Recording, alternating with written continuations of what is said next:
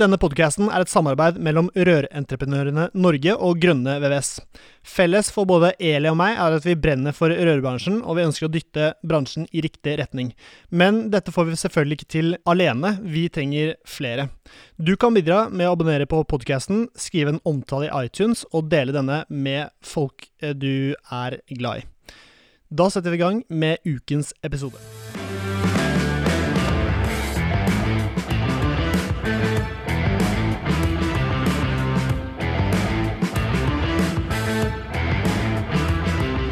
Hei og hjertelig velkommen til en ny episode av Barør med Eli Hermine Herdal Eide fra Rør-Norge og Sterin Poppemitt fra Grønne VVS. Og i dag, Eli, skal jeg lære hvordan uh, Grønne VVS faktisk kan uh, gjøre noe. Altså navnet Grønne VVS.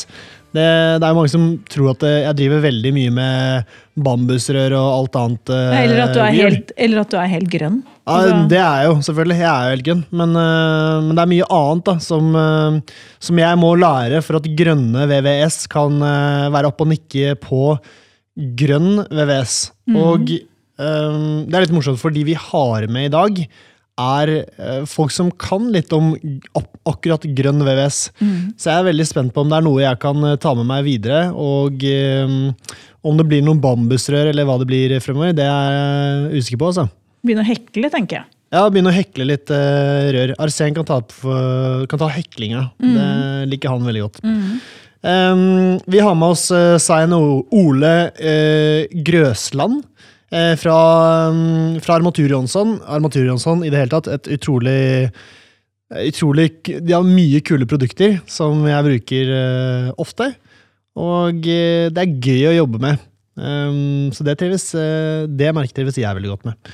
Ikke noe salg, bare um, Det er mine meninger. Ja, uh, han er teknisk sjef, og velkommen skal du være.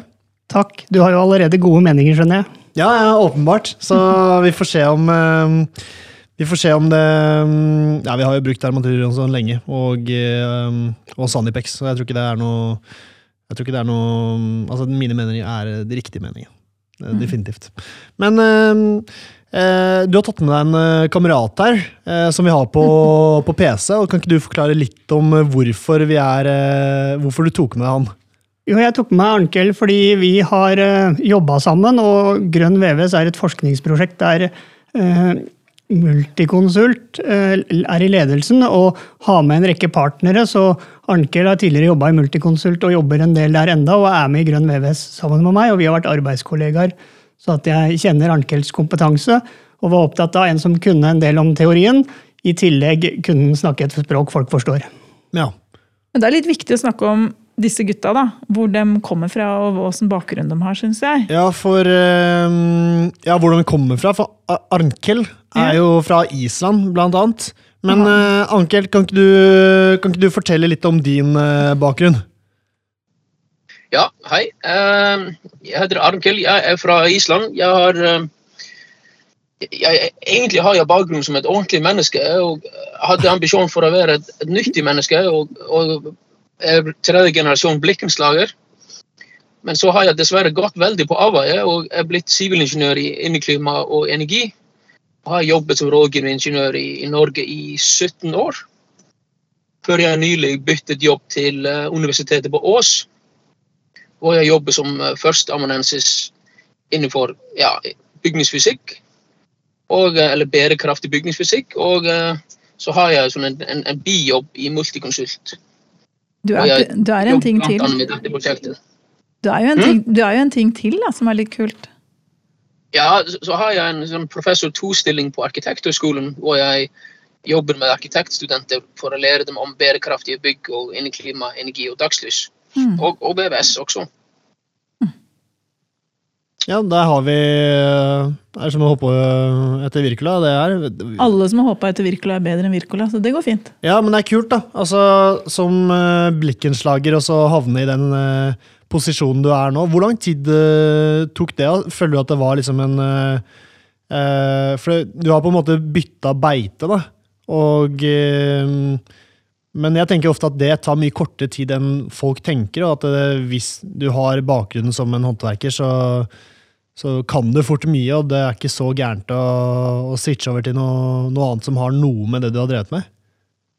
Ja, men Disse tingene skjer så gradvis. Uh, altså, jeg var jo blikkenslager, og, uh, og, så hadde jeg bare lyst til å, vite litt mer. Så, så, tok jeg avgangskurs til ingeniørstudiet, og så gikk det litt sånn av seg selv. Jeg tok ingeniør i Aalborg. Og så ja, Etterpå så kan man se tilbake og se at det har skjedd mye endringer, men underveis har det bare vært en, vært en hyggelig reise. Mm. Svein Ole, kan ikke du forklare litt mer om uh, Grønn VVS og hva det driver med der? Jeg har lyst til å høre hvordan han kom dit han er òg, ja, som teknisk sjef. Ja, la oss, uh, la oss høre. Kult i år, skjønner du. Ja, det kan jeg godt fortelle om. Jeg var jo i utgangspunktet rørlegger. Og så Uh, når jeg begynte å nærme meg ferdig med læra, så begynte broren min på ingeniøren. Og sier jeg ja, jeg skal begynne på skolen og bare bli ferdig med rørleggeren. Og så sier han det kommer du aldri til å gjøre noe som du er vant til å tjene penger. Så jeg slutta jo nærmest rett etter jeg hadde fått fagbrev, og, og, begynte på teknisk fagskole. For jeg hadde aldri gått noe russeskole, som jeg kaller det. Da fikk du være litt ordentlig student, da. Ja, det var jeg fikk, fikk tatt teknisk fagskole, ingeniør og sivilingeniør til slutt, jeg også. Ja. Så jeg har ramla gjennom litt. Kult. Jeg møtte jo eh, deg på generalforsamlingen til Rør-Norge her for snart en måned siden. Eller det er en måned siden. Mm. Hvor du kom og snakka om nettopp grønn VVS. Og hva vi i rødbransjen kan eh, gjøre i forbindelse med det forskningsprosjektet da, som dere har dratt i gang. Mm. Eller Multiconsult, og dere som partner sikkert i Armatur Jonsson. I forhold til hva vi som bransje eh, bidrar med av ja, klimagassutslipp med de røra vi legger, blant annet. Mm. Fortell litt, Skal vi begynne der? At du forteller litt om det prosjektet Grønn VVS? Ja, Arnkel vet nok en del mer om mye av grunnlaget, men til nå i Grønn VVS er det vel utviklet et klimagassverktøy, et beregningsverktøy for beregning av klimagassutslipp fra forskjellige rørtyper. Mm -hmm. og det var uh, ut, fra, ut fra, det da, så er det uh, noen, noen rør har veldig lavt klimagassuttrykk, og andre har høyt. Og det kan ha med hvor mye jobb var det å utvinne malmen, eller hvor mye jobb var det å pumpe opp olja, hvor ble den pumpa opp, eh, hvor langt ble den kjørt, eh, alle mulige ting rundt det. Som påvirker liksom produksjonen av det ferdige produktet? Ja, altså utslipps... Eh, fotavtrykket ja. På det ferdige produktet ja. er jo summen av utslipp som har skjedd på veien fram til ferdig produkt. Ja. Men Arnkjell, skal du fortelle litt om introduksjonen? da? Hva, hvordan blei dette et forskningsprosjekt? For Jeg husker nemlig det begynte å bli snakk om det når Eriksen og Horgen ikke var multikonsult for lenge siden. Eller for noen år siden. Ja, Det er nok blitt en, en, en to-tre år siden vi, hadde, vi var startet å diskutere dette i EH. Hva var klimagassutslippene av, av VVS-utstyr? Og Det var nær umulig å forstå eller få kjenne omfanget. Så vi hadde, vi hadde et par eh, sommerstudenter som, som gjorde sånn første øvelse. Da beregnet vi klimagass, eller de beregnet klimagassutslippet på sykehuset i Østfold. Og Da fikk vi litt sånn bakoversveis. De tallene vi, vi, så der, var helt ute av sammenheng med, med det man egentlig trodde om VVS-anlegg. Og Da fikk vi litt sånn blod på tannen og tenkte dette må vi dette må vi forstå. Dette er en altså A for, for Eriksen Horgen var dette en risiko, men eh, vi er også nerds. Og vi var bare interessert i dette. her. Vi tenker dette kommer til å bli utrolig viktig for oss. Å forstå dette. Og vi, vi kan ikke vente med det. Vi må liksom, Hvis ingen andre gjør det, så må vi gjøre det selv. Men Arntzen, hva var det som uh, Hva ga dere bakoversveis? Altså, Eh, I utgangspunktet så, så ligger det inn i klimagassberegninger som standardverdier for VVS-anlegg, og hvor mye det veier i klimagass fra materialer. Og De tallene er ganske lave. Um, men når, når, vi lagde anslag som viste at VVS-utstyr var kanskje i størrelsesorden 20 av, av eh, klimagassutslipp fra materialer i nybygg, og rehabilitering i størrelsesorden 40% så så vi at dette var så stort at dette ville bli et paradigmeskifte for arbeid med VVS-installasjoner, alle sammen. Og da, og da, må man velge, som en bransje, så må vi velge om vi er foran bølgen, mm. og vi forstår den og vi kan møte konsekvensene, eller om vi blir liksom pisket igjennom. Og vi i EH vi, bare, vi tenkte bare dette må vi forstå, og vi må være foran. Så vi må heller skape en bølge, og så ri den, enn å få den over oss. Mm, som en islandsk hest. Men, så, eh, så neste, neste prosjekt var egentlig vi, vi jobbet på Øken portal, som var et foregangsprosjekt på mange måter. Og vi så faktisk på røranlegget hvor mye altså Pipelife-produkter ville spare på å bytte ut eh, tradisjonelle rør. Og da så vi så store besparelser at, at da visste vi at vi måtte i gang med et forskningsprosjekt. men hvordan, hva er målet Hva er målet deres? Er det å liksom revolusjonere VVS-bransjen, eller, eh, eller hvordan, ser du for dere at dere kan eh, gjøre endringer i, i bransjen? Hvor er vi igjen om, om ti år, f.eks.? Altså, jeg er så optimistisk. Eh, jeg, jeg tror i utgangspunktet hvis vi bare lager den viten om hvordan man beregner klimagassutslipp tilgjengelig, og hva er det som påvirker det, så vil eh, bransjen av seg selv liksom klare å drive det i, retning, i riktig retning. Litt som vi har sett på, på betong og, og liksom vanlige byggevarer. Det har skjedd utrolig mye. Og Det er jo ikke fordi noen har pisket det videre, det er fordi de er startet å forstå hva er viktig. Og med samme vi kan det samme med VVS, så vil de riktige materialene, de riktige systemløsningene Alt dette vil brøyte seg frem nesten av seg selv. Vi blir jo litt eh, drevet av eh, tekniske krav òg, da. Fordi at eh, eh, jeg ser sånn som For betong så var det jo en erkjennelse at betong var jo liksom den største syndebukken i forbindelse med bygg. Eh, og det påvirka veldig klimagassutslippene på bygg. Og det pusha jo den bransjen til å finne nye måter å lage betong på. Som gjorde at det ikke er den klimaverstingen det var lenger. Selv om det fortsatt er liksom store klimagassutslipp helt sikkert fra betong, så er det på en måte en annen verden enn det er i dag. Og resten av byggenæringen opplever jo nå at det kommer til å bli stilt krav til klimagassregnskap eh, på de produktene. Mens vi i VVS-bransjen er foreløpig forskåna. Men det er jo bare snakk om tid før det kommer inn i tekken at vi også i forbindelse med alle nybygg i hvert fall må levere klimagassregnskap. Så det at det da i forkant av at disse kravene kommer, er en bevisstgjøring rundt det, og at vi som bransje tar tak i det, at det blir utvikla verktøy rundt det, gjør jo at vi er mer forberedt, som han sier. At når denne flodbølle, tsunamien kanskje kommer, så er vi liksom forberedt, sånn at vi sitter i båten og er klare til å padle, da. Det er det, det, er det vi driver med. Er vi enige? Absolutt. Og, og det er jo også altså, det er også litt arbeidsmiljø i dette her. Mm. Uh, altså Grovt sett så kan man si at, at, før man starter å for, foredle produkter veldig, som man nå snakker om carbon capture, altså karbonfangst på betong og slikt, altså hvis man bare tar produktet generelt, så er vekten av produktet eh, sier noe om sannsynligheten for klima, høye klimagassutslipp. Så de tingene vi driver og henger opp som er tunge, de har sannsynligvis høye klimagassutslipp. Mm. Og det så vi på Øken-portaler når man gikk vekk fra å ha store stålrør og man fikk eh, plastrør, som var jo på initiativ av rørleggeren. Eh, Da ikke bare sparte vi klimagass, men også fikk rørleggerne altså bedre produkter å jobbe med. Mm. Mindre, mindre farlige ting å løfte. Uh, Så mindre sveising og eh, mindre liksom, tunge heiser osv. Du bygger vel raskere òg, hvis du har lettere produkter enn en tunge produkter. Men, Absolutt. men har dere på en måte mm, Jeg tenker sånn i forhold til de klimagassutslippene, hva er det dere egentlig har funnet ut på Økern portal f.eks.? Hva, er, liksom, er det Emma som er verstingen, f.eks.?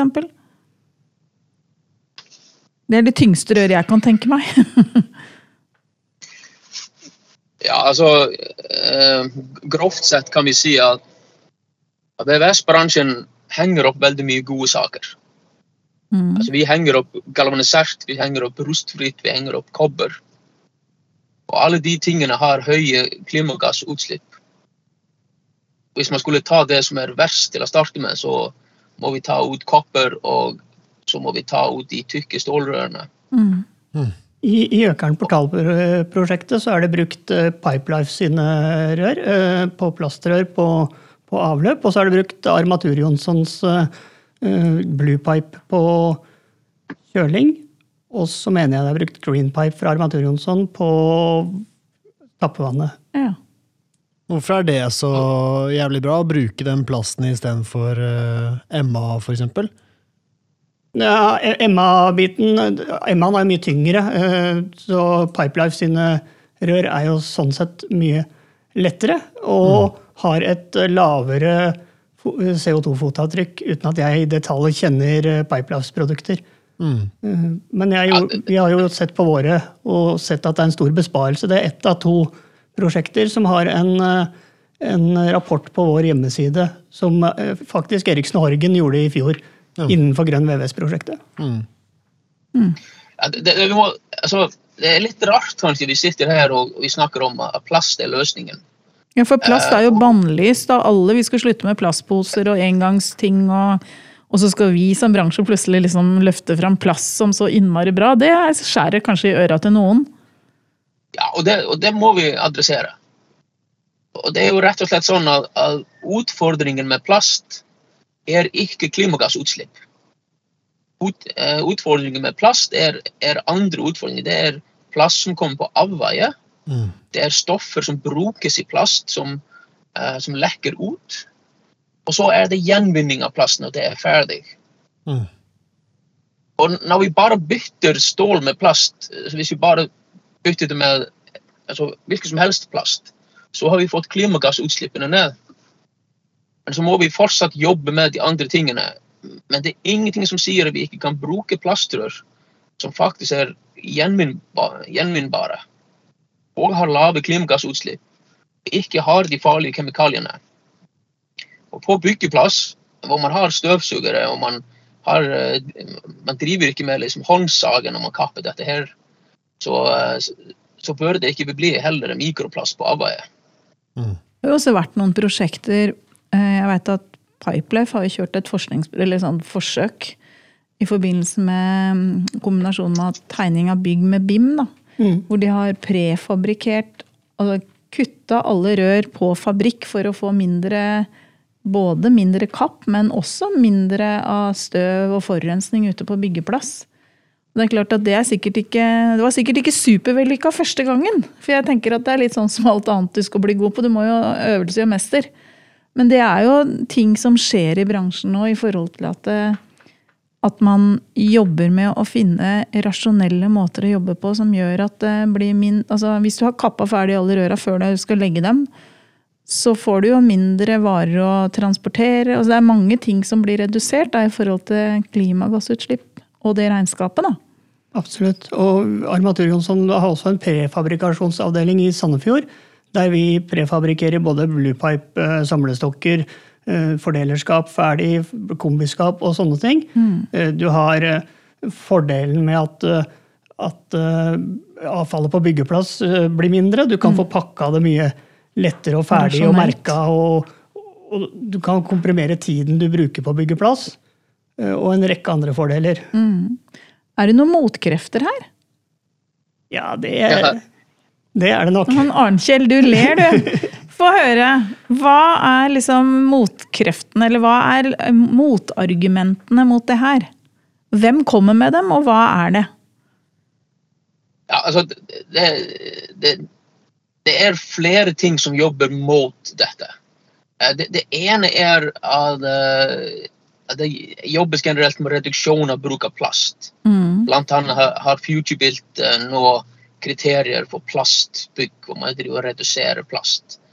Uh, og det er egentlig feil. Altså, vi må heller jobbe med å redusere plast på, på avveie, eller unødvendig plast. og engangsbruk av plast. ikke sant? Bedre gjenvinningsordninger også for plastrør, f.eks.? Ja. Og så er det eh, noen produkter som ikke er levedyktige. Og eh, Eksempler på det er liksom avløpsrør av, eh, av støpejern og stål. Eh, disse rørene har egentlig veldig enkle funksjonskrav. De skal flytte kloakkvann. Mm. Ikke lekke og ikke komme for lyd fra dem. Og Det kan vi gjøre mye mer elegant enn å bruke tykke stålrør. Eh, Så klart, hvis du er en fabrikant som produserer eh, altså stålrør til avløp, Ja, da hadde jeg vært litt redd for framtida mi, det skjønner jeg jo. og så er det andre produkter som, som veier helt overraskende mye, som, som sprinkleranlegg. Mm. Uh, det, altså det, sprinkleranlegg er, tar, bruker utrolig mye stål, de er jo tunge. Og, og der uh, har Multiconsult akkurat sluppet en rapport som ble lagd for en vanntåkeprodusent, eller på oppdrag fra en vanntåkeprodusent, som sammenligner sprinkler, altså vanlige deluge-systemer, altså systemer som vanlige sprinklersystemer med vanntåkesystemer. Og der får man jo massiv reduksjon i, eh, i mengde stål, ikke sant? Så man får en 71 reduksjon i klimagass ved å gå over til vanntåkeanlegg. Så at- at spørsmålet er egentlig ikke uh, om, vant, om, uh, altså, om det kommer en endring der. Altså vanlige sprinkleranlegg er ikke levedyktige. Så da må vi finne andre vanlige sprinklerløsninger. Eller, eller finne måter til å bruke vanntåke i flere bygg. Det er jo mange land som bruker plastrør også på sprinkel. Ja, og hvis man kan det, det, det er ikke er, jeg er ikke sikker på, Nå, nå veit jeg ikke hva jeg snakker om. Jeg veit at det ikke var lov i Norge før. Om det er lov nå, det aner jeg ikke. Det er, det er lov på i hvert fall noe. Vi har uh, redpipe-sprinkler som, eh, som har lov å både støpe inn og legge åpent. Så du kan legge et sprinkleranlegg med plastrør i dag. Ja, Det er lov. Litt usikker på om det gjelder eh, både boligsprinklerreglementet og NS 12845 eller ikke. Jeg tror det bare gjelder boligsprinkling. Ja. Mm. Dette vet ikke jeg svaret på. Eh, Men, men det er i hvert fall ett eksempel, og, det der er jo både vanlig sprinklerbransjen og, og delvis brannrådgiverne som eh, ikke er så veldig fornøyd med at de må endre sin praksis. Men det er jo fordi at eh, du veit hva du har, og du veit ikke hva du får. Det er jo sånn, sånn i mange sammenhenger. Eh, og det kan jo være Det er jo ganske konservativt, da. Ja, og så har man jo produsenter som, som folk som heter radiatorprodusenter. Mm. Radiator tror ikke jeg vi kommer til å installere bygg etter de starter å beregne klimagassutslipp. Er det en konsekvens av at vi f.eks. både kjører lavere temperaturer i bygg? Altså nå er det jo faktisk ifølge Tekken ikke lov å ha høyere enn 60 grader turtemperatur eh, på, på et varmeanlegg. Eh, over 1000 kvadrat, i hvert fall. Eh, men er det, er det det du tenker? At kombinasjonen av at vi da må kjøre lavere temperaturer på bygg, og at radiatorer veier så mye, er det, er det det du tenker? Ja, altså vi, vi ser, når vi ser på varmekilder at eh, radiatorer kommer ekstremt dårlig ut. Og det drives jo litt av den, eh, av den temperaturen, Mm.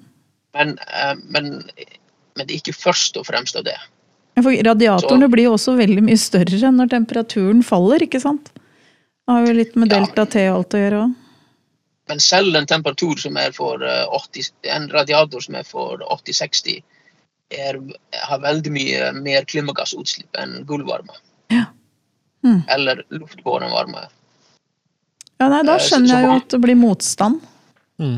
Nå snakker vi mye om store bygg. da. Hvordan er det mindre rødbedrifter kan eh, ta tak i klimagassutslippet? Og er er det lenge til vi kan sende en, eh, en eh, rapport til eh, kunden vi har gjort noe småarbeid eh, hos, eh, over hvor mye vi har brukt på den, uh, den jobben?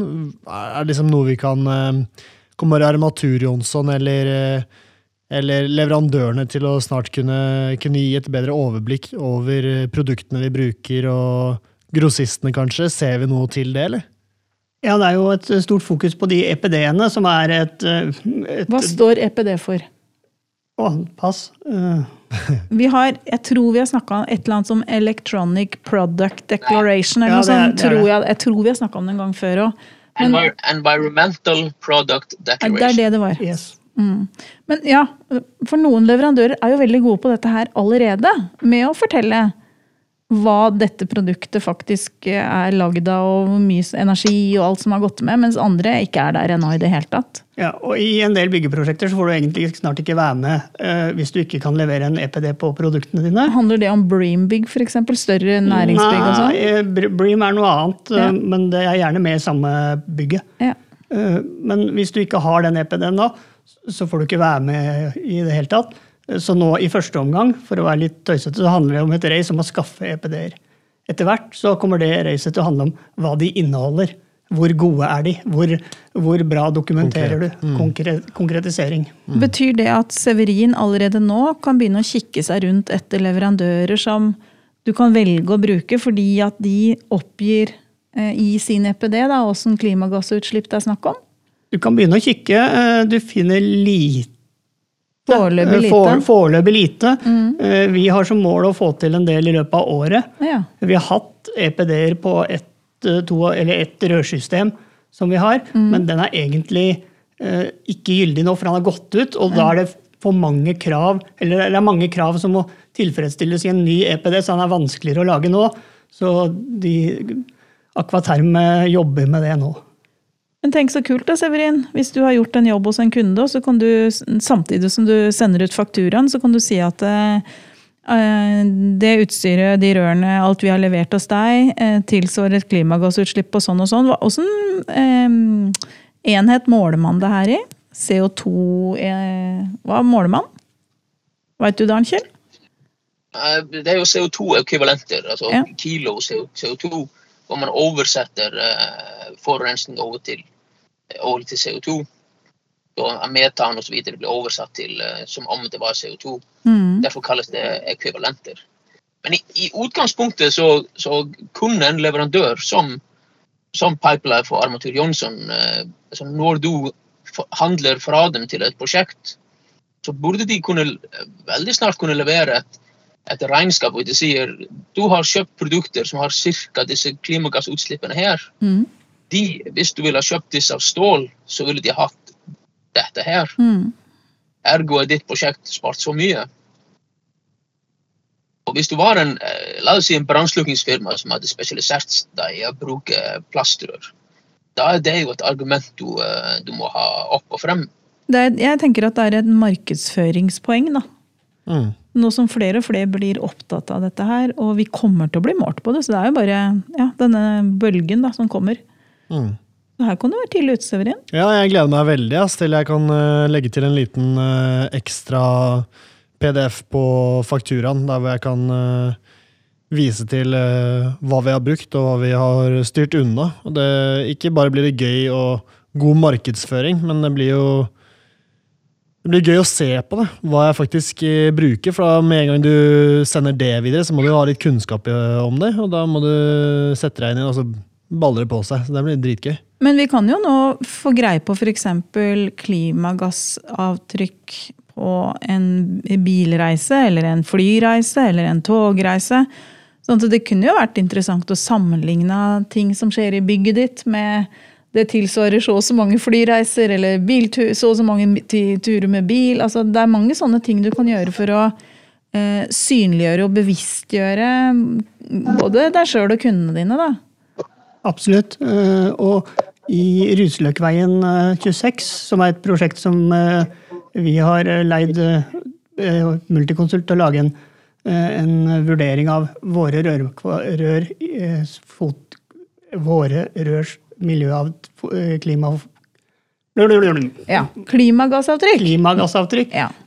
Opp mot de konvensjonelle anleggene. Mm så er jo det det prosjektet som vi snakka om på Rørentreprenørs generalforsamling. Der er det bytta ut uh, sorte stålrør på kjøling med blue pipe, og det er bytta ut kobber på, på tappevann med green pipe. Og der er det spart ca. 57% CO2. Ja. Mm. Så dette er jo en del jeg tenker sånn, Som hver enkelt rørlegger kan jo kanskje bli litt mer bevisst på i sin hverdag, da, hva slags produkter du faktisk bruker, og hvor godt du planlegger. For det har jo noe med det òg. Mye svinn og mye avfall vi produserer. Absolutt. Og, det, mengden er ganske enorm, for de 57 prosentene tilsvarte eh, 157 tonn CO2. Oi! eh, Som eh, igjen, hvis du stabler i 11 kilos gassflasker, da, som jeg som rørlegger kjenner til, Ja. så er det 14 300 av dem. Fytti rakkeren, det er litt av et bilde. Wow. Og karbonisering av ca. 7,5 millioner halvliter øl. Mm. wow. Den det tror jeg mange kjøpte, rett og slett. Hun- Mange sa du mange halvliter øl? 7,5 millioner. Det er mye øl, ass! Så det dere gjorde på det bygget ved å bruke da ikke de vanlige stålrøra, og bruke plast isteden, Mm. sparte like mye CO2 som det koster, eller ville gått med til å produsere 7,5 million halvliter med øl. Ja, sånn cirka. Det er jo helt grisevilt. Det er et bra bilde. Mm, veldig. Men øh, hva er det rørleggerbedriftene kan gjøre nå fremover for å pushe denne grønne bølgen? Er det noe vi kan eh, pushe leverandørene til å, til å gjøre? Absolutt etterspørre. Uh, EPD-er, da? EPD-er, miljødeklarasjoner. Eh, De som ikke har, vil da bestreve seg på å få det hvis, hvis kundene spør. Eh, Jeg, jeg mener jo også at det er mange andre ting enn bare det miljøfotavtrykket vi ser på rør, så, som egentlig er med å bidra. Det er, du har en mulighet til å bespare vannmengder, altså senke kvaliteter, eller senke Er det helt nødvendig at leietakeren har så under 26 grader eh, hele juli fra klokka fire om ettermiddagen til ni om kvelden når den ikke er der allikevel? Det er mange som ikke tenker på at Jeg tror det er riktig at det koster tre ganger så mye å kjøle ned et rom en grad enn å varme den opp en grad. Ja. En annen ting som er veldig, veldig som jeg har veldig fokus på, da, det er egentlig føringsveier. Hvor optimalisering av føringsveier Arnkel, du er jo eh, guider eh, eh, arkitektstudenter. Eh, hvis man da tenker at et litt lengre bygg, så setter man en, en uvask i hver ende. Det er ganske vanlig å skrive det sånn. Én uvask i hver ende, eller et eller annet i den duren. Eh, Setter man en i midten, så har man halvert installasjonen. Gang, gangavstand fra ytterkant til installasjon er fortsatt like, Like lang. Og reduksjon av materialer er lekkasjesikring, miljøbevissthet Billigere å bygge. og billigere å bygge. Altså, dette er så utrolig cool. Altså, dette oppleves kanskje som overskuelig, men dette er ut utrolig cool. Når vi faktisk, altså Hittil har vi hatt veldig mye fokus på kostnader når vi jobber med disse systemene. Men nå kommer inn en ny faktor. det er Hvor miljøvennlige er, de systemene vi setter inn? Kan vi gjøre de mer miljøvennlige? Det kommer til å endre alle måter vi tenker på. Og Det første er jo det vi snakket om først, så er jo å bytte materialer. Det er veldig enkelt. Finne ut andre materialer. Ja, det er lavthengende frukter. Og det er så lavthengende. Det, vi har ingen, altså når vi vet det at prognosene sier at Vardø kommer til å ha klima til Sandefjord i eh, 2000 og, eh, 2100 og 64 cm høyere eh, strømflo. Vanns- Ja.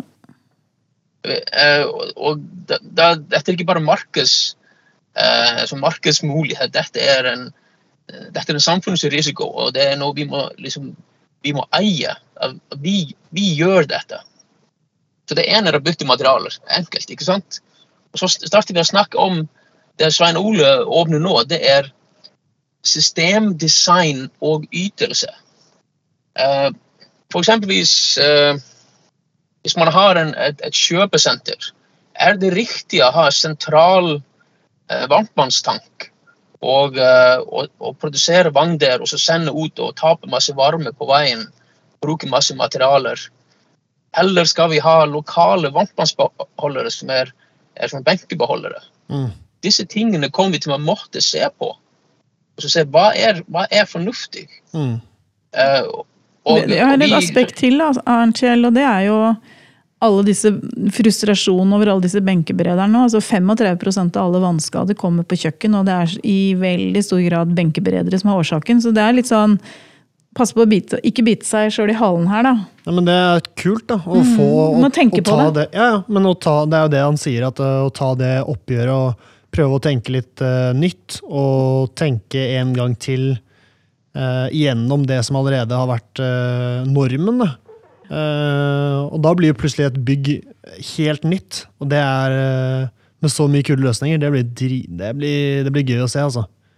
Hvordan, hvordan er det man kan følge med på det her? da? Fins det noen forumer eller uh, noen andre steder man, uh, man kan uh, være for å nøle litt? Kom på generalforsamlingen til Rør-Norge. Ja, ja. Det var jo vi i Eriksson Horgen som nå Multiconsult som, som driver Grønn VVS. Som, hvor vi har samlet sammen byggherrer og leverandører og entreprenører for å prøve å jobbe med dette. Og Det er egentlig der det meste skjer i Norge i dag. Det er noen andre som jobber med dette, så produsentene jobber med EPD-er og sånn, men det er vi som jobber kanskje mest konsentrert med dette akkurat nå. Og Vi prøver å dele så mye vi kan når vi har noe som er litt solid. Fordi vi skal ikke, vi skal ikke oppdage noe for så å holde det i skuffen. Vi, vi skal skape den tsunamien mm. Og, Og, vi skal så, så, skal vi ri den. Vi skal på en måte drive bransjen til å bli bedre. Kult. Wow. Ikke for, å, ikke for å gjøre skade, men fordi vi må. Mm. Tøft, ass. Spørsmål til når det gjelder vannbåren oppvarming og oppvarming i framtida. Nå har jo eh, jeg må jo innrømme at i de sju år jeg har jobba i Rør-Norge, så har det vært ganske sånn frustrerende i mange år. fordi at eh, vi ser jo at de som bygger for å drifte et bygg sjøl, de bygger uten unntak med vannbåren varme fordi at det er smart. Og nå får vi jo effekttariffer, og det er en del sånne ting som gjør at du kan akkumulere energi. og og så er det jo alle de som bygger for alle andre, som ikke skal drifte bygget sjøl. De har jo da putta inn det de kan av strøm. Eh, og nå som strømmen er så dyr, så har vi jo denne bransjen fått hjelp til å liksom få resten av verden til å forstå at du, vi kan ikke fortsette å svi av strøm som fulle sjømenn. Eh, for det er jo også en del av det med miljø i bygg i forhold til hvor mye energi et bygg bygger, bruker. Ikke bare i forhold til at du er isolert og har en meter tjukke vegger og tak og veldig gode vinduer, men det å bruke energi på en bra måte henger vel også sammen med dette her? Altså hvis man ser på de byggene hvor man har prøvd å jobbe mot nullutslipp og redusere utslipp så mye som mulig, mm. så er jo energisystemer og VVS en nøkkelfaktor i å få det til. Mm og uten en vannbåren distribusjon eh, som er godt designet. Og, og, da må man tenke litt på hva er godt designet, lave varmetap.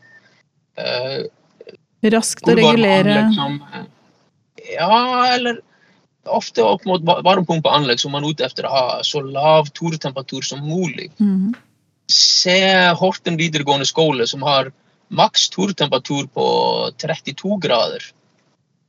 Og så Istedenfor å regulere vannmengdene, så regulerer man ned turtemperaturen, så, så vannmengden alltid er høy. Det er fordi det er bedre å bruke energi, eh, elektrisk energi på pumpe enn å få bedre virkningsgrad på varmepumpen. Slike ting, så Optimalisering av VVS-anlegg ekstremt viktig.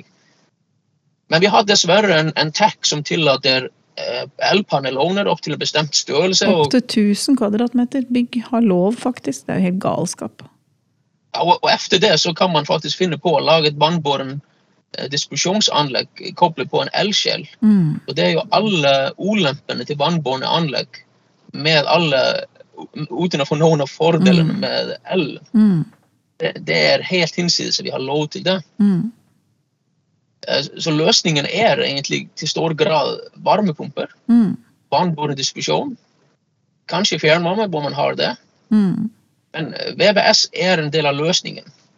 Det tenker jeg det er viktig å få fram når vi, vi jobber jo veldig med å rekruttere folk inn i den bransjen her, på alt fra det nivået som dere jobber på, til å være utførende rørleggere. Og det å vise at denne bransjen faktisk har en veldig stor påvirkning på de bygga vi bygger. og det er faktisk, det er en, Du gjør en veldig viktig jobb da, i forhold til miljøet hvis du, hvis du jobber i rødbransjen. Det tenker jeg vi må være flinkere til i framtida. Det er ikke noe ambisjonsbygg på nullutslipp som ikke har høy fokus på VVS. Ellers kommer du ikke i mål. Nei. Jeg er jo lykkelig, Det høres sikkert ekkelt ut for alle de som får høye strømregninger, men jeg, jeg syns det er dritstas at det er så dyr strøm. For det gjør jo at vi blir pusha i riktig retning. Og jeg har jo heldigvis varmepumpe og gulvvarme. Så jeg har jo latterlig lave strømregninger i forhold til de, de som ikke har det. Så det vil nok endre litt måten vi tenker på i åra framover, når vi bygger bygg. I hvert fall det at energikostnaden er så høy, og den kommer nok til å forbli ganske høy òg, tror jeg. Mm. Jeg har godt og trodd det da, siden jeg gikk på fagskolen i sin tid. Men nå endelig så slo det til. ja, nå er det jo mye som, som skjer internasjonalt som bidrar til å drive opp priser i Norge. Ja. Samtidig med vi har vinter med eh, litt uh, lav eh, nedbør. Ja. Men ja, prisene blir nok lavere nå, tror jeg, etter hvert. Men, men de blir fortsatt høye, historisk høye. Men det som er litt kult med design, rørdesign, det er at jeg har her prøver fra min egen eh, tid som eh, lærling hos Morten Vangsøy på Sogn videregående. Og der står det bl.a. en eller annen kommentar 'Hvorfor krysse dette fundamentet tre ganger?' Han ber meg tenke meg om, ikke sant? Ja, så bra. Eh, En god rørleggerlære. en god rørleggerlære. Og her har vi en annen en. Hvorfor gjøre det sånn? Hvorfor ikke gjøre det sånn? Materialbesparelse. Jeg, jeg tillegger Morten å ha tenkt på miljø jeg, i den med materialbesparelsen, ikke økonomi. Nå kan nok hende det en kombo. ja da. Og her, dimensjon prosjektere riktig, feil dimensjon. Altså veldig mye av det vi snakker om i design her, det lærte jeg egentlig på rørleggeren også. Det er bare omsatt i en litt annen målestokk. Ja, det er helt Så det syns jeg er litt kult når jeg fant igjen disse en gang i tida. Ja, ja. Apropos rørleggerens hverdag, vi har jo faktisk hatt en egen episode hvor vi har nerda på det vi, som het normalreglementet når vi var unge, men nå heter det da standard abonnementsvilkår. Eh, og nettopp det der med dimensjonering av rør, hvor viktig det er. At du ikke bare har en kveil i bilen, og så er det den du bruker til alt. Det har jo både noe med miljø og økonomi å gjøre, faktisk. Og der er min påstand, jeg vet ikke om dette alle er enige med meg, men min påstand er at når du skal prosjektere et anlegg, enten du er rørlegger som prosjekterer, eller en prosjekterende som prosjekterer, mm. så er jobben din å sørge for at det kommer 0,1 liter vann ut av den servantgrana. Mm. Uh, uansett. Ja. Du skal sørge for at trykket er der. Og i Bream-sammenheng mm. Du, kan du bare si, for alle de som ikke aner hva Bream er Bream er eh, et eh, Sertifiseringssystem. Fra England eh, som går gjennom hele eh, Hele, Bygget. hele bygget og eh, Og etterpå? Ja, og skaffa tomt i forhold til beliggenhet på Rute, altså ja, kollektivtrafikk kollektivtrafikk og alt mulig. Altså, det er en kjempejobb, og der er vannsparing en av dem. Watt 01, tror han heter. Mm. Biologisk mangfold er en del av det. Altså, det er veldig mye forskjellig som påvirker. Da. Jeg tror mer kommer til å handle om rør i framtida der òg, ja, når vi får det inn i systemene. Jeg, jeg tror også det, men min påstand er at det standard abonnementsvilkår, Mm. tekniske bestemmelser, åpner egentlig ikke for at du har lov å bruke Bream- så- Bream-batterier. Nei, det er nok jeg, jeg sånn mener at man fortsatt skal gjøre det, men sånn det er skrevet, mener jeg at det egentlig ikke åpner for det. Det er mye å tenke på, Sefrin. Ja, det blir bare mer og mer. Og Har du noen, eh, har du tatt noen eh, valg underveis, eh, Arnkjell, i forhold til det her, som du tenker at Altså at du um, Har du fokus på liksom fag? altså Selv om du er blikkenslager i utgangspunktet, så er det jo VVS mye av det du jobber med. Er det noen du tenker at eh, dere f.eks. i Multiconsult, da, gjør dere disse miljøvalgene på en helt annen måte nå for eksempel, enn for fem år siden? Fordi at dere er mer bevisst? I prosjektering og alt? Vi er i den der overgangen til å, å forstå dette her. Mm. Vi har startet med å, å gå gjennom alle de vanlige materialene vi bruker, Mm. og komme med altså, erstatningsløsninger. Mm. Så for eksempel hvis avløpsrør, hvis du går vekk fra så s- støpejern til, eh, til beste plasterørene, så er det faktor 10 ned. Bare slike ting å forstå at det faktisk er viktig. Så, så akkurat nå så prøver vi å drive ut i multikonsulter. Alle skal forstå materialesubstitusjon. Og det neste er systemløsninger. Uh, og, eh, og nå foregår de diskusjonene om sprinkler versus vanntåke. Eh, Vanntåke er jo i dag vanskelig å bruke i mange bygg uh, pga. Av, eh, av reglementet. Mm. Men når vi ser at klimagass er så viktig, så blir det en driver for å finne nye løsninger. Og det er det som er cool. Og Jeg er i dette her er Jeg er ikke spesielt dyktig på rør. Jeg er her bare fordi jeg har sunn frustrasjon og, og driver og prøver å, å hjelpe til at ting skjer. Mm. Og så vil komme folk som er dyktigere enn jeg på, på rørbiten for å, for å finne akkurat hva er den lure systemløsningen. Det sitter jo en annen her som forhåpentligvis er i stand til å bidra der. Men jeg tenker en ting jeg har hatt på hjertet i mange år, er jo nettopp det der at eh, når det gjelder avløp eksempel, og systemløsning, så tenker jeg at eh, hvorfor bruker vi ikke eh, vakuumløsning? Hvor vi kan redusere rørdimensjonen til en under halvparten av den vi er i dag. Vi kan glemme fall. Det er veldig mange fordeler, da. Så det skulle jeg ønske at var en del av pakka til Grønn VVS framover. Og se på om det kunne vært en mulig løsning på system, da, på avløp. Altså, det, det, kan være vi kommer til å kunne se en lignende greie som uh, på sprinkle, vanlig sprinklersystem til, uh, til vanntåke. Men jeg tror at vanlige, altså de beste plastrørene på avløpet de vil såpass, ha såpass lave utslipp at vakuum vil ikke ha stor fordel, som er i hvert fall ikke stor nok fordel til å oppveie ulempene med vakuumanlegg som de er i dag. Men Multiconsult har jo prosjektert største vakuumanlegg på land i Norge, som er jo, uh, jo Munch-museet. Mm. Hvor uh, Svein Ole var uh, prosjektleder. Mm. Det stemmer. Så vi har erfaring, erfaring men det, det er ikke bare positiv erfaring. Altså jeg tenker En av fordelene, da, hvis jeg skal tenke på fordelssida, må jo være at eh, ved å la være å tenke på fall, så vil du kunne adde ganske mange centimeter i hver eneste etasje oppover i et bygg til eh, som du kan tilføre enten at du får høyere etasjer og mer romfølelse i lokalene, eller at du kan få en ekstra etasje til og med på høybygg. Det er jo god business for utbygger. Hver kvadratmeter teller jo. Hver kvadratmeter teller, og den er dyr. Ja. Eh, og det er mange fordeler også med vakuumanlegg, men det er en del ulemper også. En av de store fordelene, eh, og grunnen til at vi brukte det på det prosjektet Arnkel nevnte, eh, på Munch, det har, jo med vannskadesikkerhet å gjøre. Mm. Uten at jeg skal gå i detaljer på Munch. Mm. Men når du har et vakuumanlegg, så får du ikke avløpslekkasjer rundt omkring. Hvis det er en lekkasje i avløpsanlegget ditt, da suger den ikke ut på vakuum. Nei, da blir det som lå i skåla, liggende i skåla. Ja. Det er en fordel. Mm. Men, men, men, det som, med akkurat med vakuum er jo det er en annen dimensjon som er jo også interessant. Eh, interessant. Vi driver og, og setter ganske mye kloakk i uh, bl.a. Oslofjorden, som er en del av problemene som Oslofjorden har. er jo det næringsrike vannet som ender i Oslofjorden. Mm. Dette er litt ved siden av det vi egentlig skal snakke om her. Men, men det er miljø, da. Ja, men ved overgang til vakuumsystemet så blir det lettere å, jobbe med de saftige sakene mm. og faktisk rense dem ut fordi de er my, av mye høyere konsentrasjon. Mm. Det er så vanskelig å jobbe med, eh, med, avløp og rense avløp når det blitt blandet så mye rent vann i det. Ja. Mm. Så det, det finnes det eksempler. Da kan det hende at de som jobber med varmepumper i kloakksystemet, blir litt sure, da, for da blir det ikke så god business å drive med det. ja, men på andre siden så blir det, det andre som har høyere temperatur, får høyere temperatur. Ja. Mm.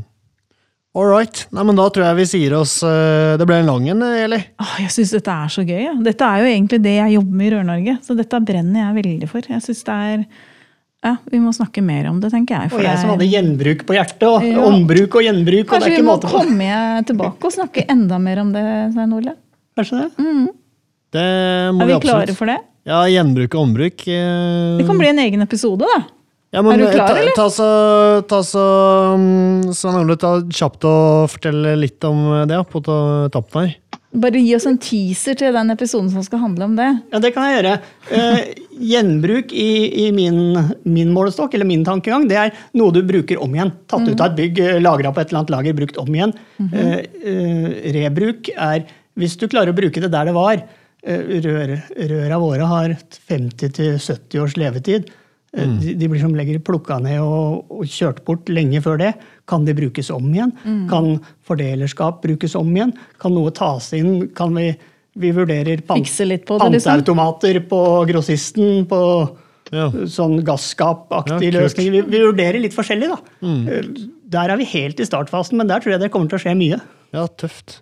Ja. I bransjen generelt, og hos oss også. Mm. Det, det, gleder jeg meg til. Nei, men supert. Eh, Svein Olaug fra Armatur Jonsson og eh, Arnskjell fra Multiconsult, tusen takk for at dere tok dere tid og eh, Angel, du sitter jo i, i, bilen, så jeg regner med at du suser videre veldig, veldig snart. Eh, så ja, takk for at du tok deg tid i en travel hverdag. Og jeg ønsker eh, Grønn VVS lykke til eh, videre. Og jeg kommer til å følge spent med, noe Eli også kommer til å gjøre. Og det er jeg helt sikker på at mange kommer til å gjøre på grunn av den, den grønne bølgen som som inntar nå også VVS eh, ja, bedrifter og bransjen. Ja. bransjen ja. Nei, men Supert. Da ønsker jeg en lyttere og deg, en supergod super god ettermiddag, og så prates vi om en ukes tid. Ha det så lenge. Halla! Hvis du likte denne podkasten, hadde vi satt utrolig stor pris på om du abonnerte og gir oss en tilbakemelding i avspilleren. Eh, spre gjerne ordet videre til andre i rørbransjen som brenner for rørleggerfaget og er opptatt av å drive en seriøs rørleggerbedrift. Mitt navn er Severin Poppe Midteide, og med meg har jeg co-host Eli Hermine Heidal Eide. Sammen er vi to podkasten Bare Rør med Eli og Poppe. Et samarbeid mellom Grønne VVS og Rørentreprenørene Norge.